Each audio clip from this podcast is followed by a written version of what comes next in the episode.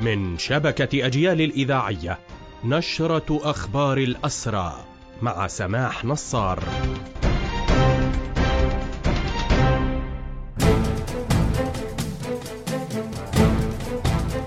أهلا ومرحبا بكم إلى هذا اللقاء. هيئة شؤون الاسرى والمحررين طالبت اللجنة الدولية للصليب الأحمر بتحمل مسؤولياتها تجاه قضية الاسرى المعزولين وحذرت الهيئة من أن العشرات من الاسرى الفلسطينيين يعيشون ظروفا صحية وحياتية صعبة بفعل عزلهم في زنازين انفرادية وجماعية يتعرضون فيها للاعتداءات والتنكيل والسب إلى جانب حرمانهم من الملابس والأغطية وال الأدوات الكهربائية للتغلب على حرارة الصيف ورطوبته مع الحرمان من العلاج.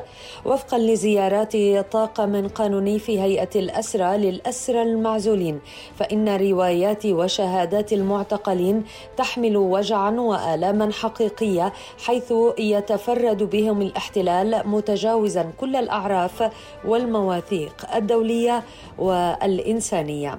من أبرز الأسرى المعزولين محمود عارضة محمد عارضة يعقوب قادري أيهم كممجي مناضل انفعات وزكريا زبيدي وهؤلاء أبطال نفق الحرية. هذا إلى جانب أسرى آخرين.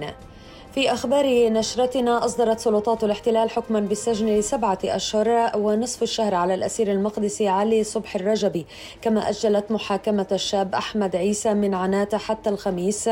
في حين تم تمديد اعتقال شاب مقدسي هو أحمد مطير حتى السادس والعشرين من شهر أيلول القادم.